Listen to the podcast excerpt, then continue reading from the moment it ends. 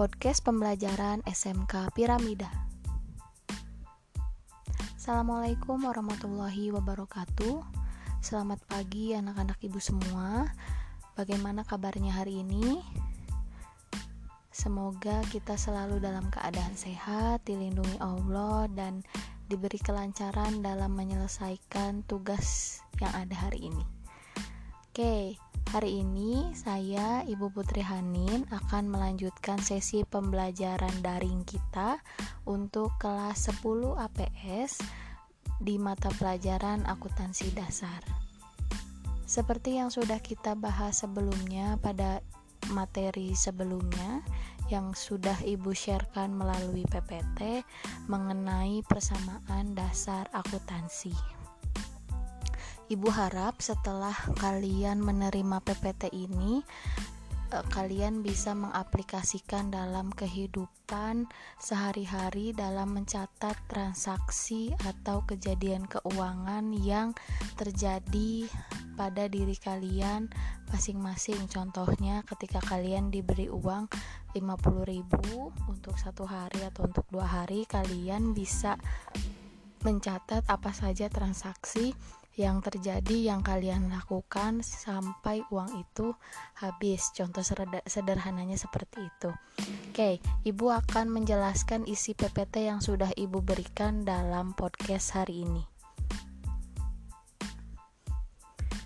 Dalam uh, akuntansi, proses pencatatan transaksi itu terjadi ketika adanya transaksi keuangan, lalu transaksi keuangan itu menghasilkan bukti transaksi sebagai bukti atas terjadinya transaksi keuangan, lalu bukti transaksi itu dicatatkan dalam jurnal dan akan dibuat akun pada buku besar.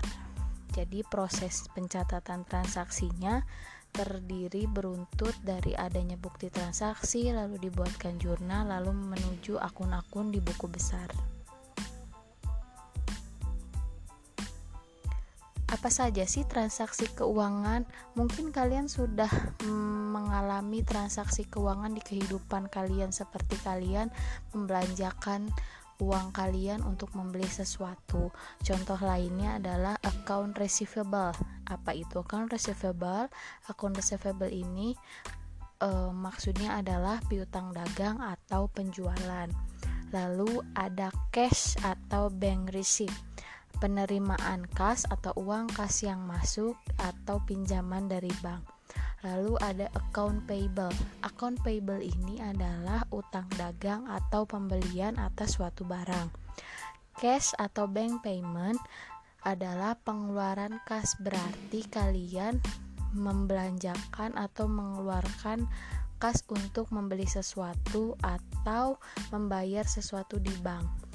Lalu ada memo transaction atau transaksi umum.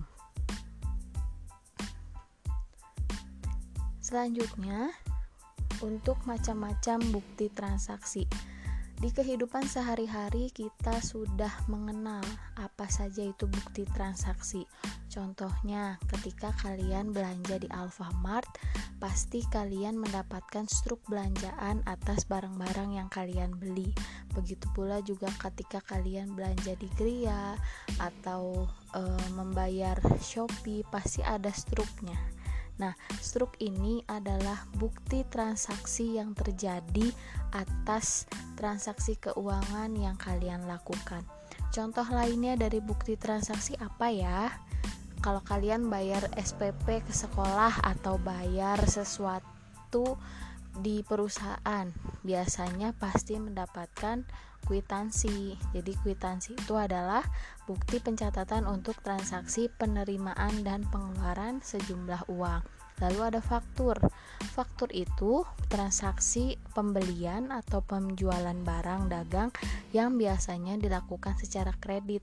Kalau tadi kwitansi biasanya digunakan untuk pembayaran secara lunas atau tunai. Tapi kalau pembelian atau penjualan barang yang dilakukan secara kredit, berarti bukti transaksinya dicatat dalam faktur. Lalu ada nota debit. Nota debit di sini adalah bukti transaksi pengembalian barang yang sudah dibeli atau retur pembelian. Lalu ada nota kredit, bukti transaksi penerimaan kembali barang yang sudah dijual atau retur penjualan. Lalu ada nota kontan, bukti transaksi pembelian barang yang dilakukan secara tunai. Lalu ada cek.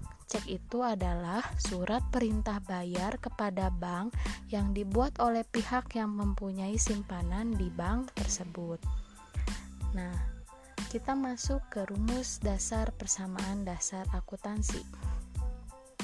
Persamaan akuntansi rumusnya adalah aktiva sama dengan liabilitas ditambah ekuitas. Nah, rumus lainnya adalah harta sama dengan utang plus modal. Jadi, aktiva adalah nama lain untuk harta, di mana harta perusahaan bisa berupa kas, piutang, perlengkapan, dan peralatan. Lalu, liabilitas adalah nama lain untuk hutang. Nah, hutang bisa berupa hutang dagang atau hutang wesel. Nah, ada perbedaan ya antara piutang dengan hutang. Kalau hutang, kalian meminjam uang kepada orang lain. Tapi kalau piutang adalah kalian meminjamkan kepada orang lain. Nanti kita akan bahas bagaimana perbedaannya dalam contoh transaksi yang akan kita bahas dalam pengaruh kepada persamaan dasar akuntansi ya biar kita bisa membedakan mana yang piutang pengaruhnya seperti apa dan ketika transaksinya utang pengaruhnya seperti apa. Kita lanjut.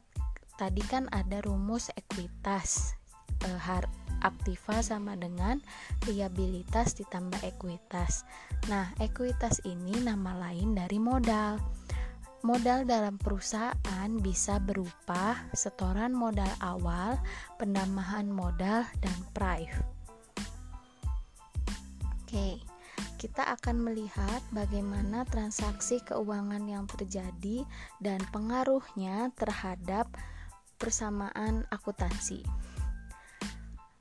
Transaksi yang pertama, Nyonya Ayu menyetor uang tunai 1 juta sebagai investasi pertamanya atau modal awal di salon Ayu miliknya. Bagaimana pengaruh yang terjadi? Dalam kalimat tersebut dituliskan bahwa Nyonya Ayu menyetor uang sebesar 1 juta rupiah.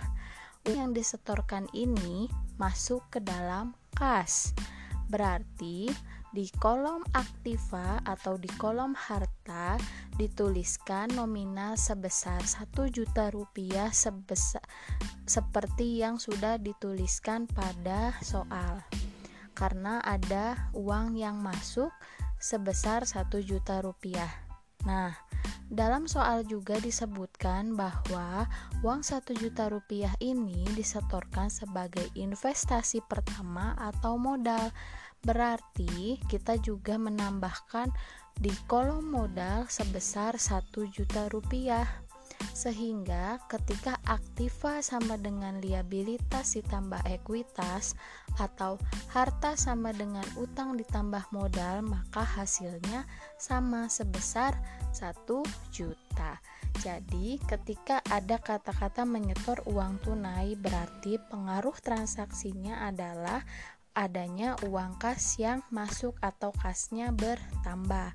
Lalu ketika uangnya disetorkan sebagai modal, berarti di kolom modal juga bertambah sebesar 1 juta.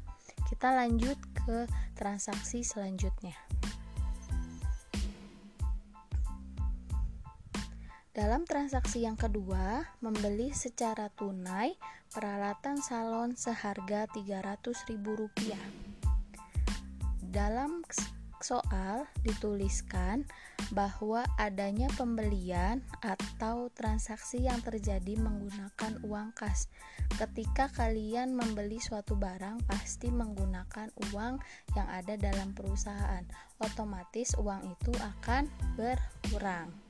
Nah, dalam PPT di kolom kas tertulis dalam 300.000 tapi ada e, kurung tutup dan kurung bukanya atau 300 ribunya di dalam kurung. Mengapa? Karena transaksi yang terjadi adalah membeli, artinya kasnya berkurang bukan bertambah. Ketika tidak di dalam kurung, berarti transaksi itu adalah transaksi yang menambahkan atau bertambah.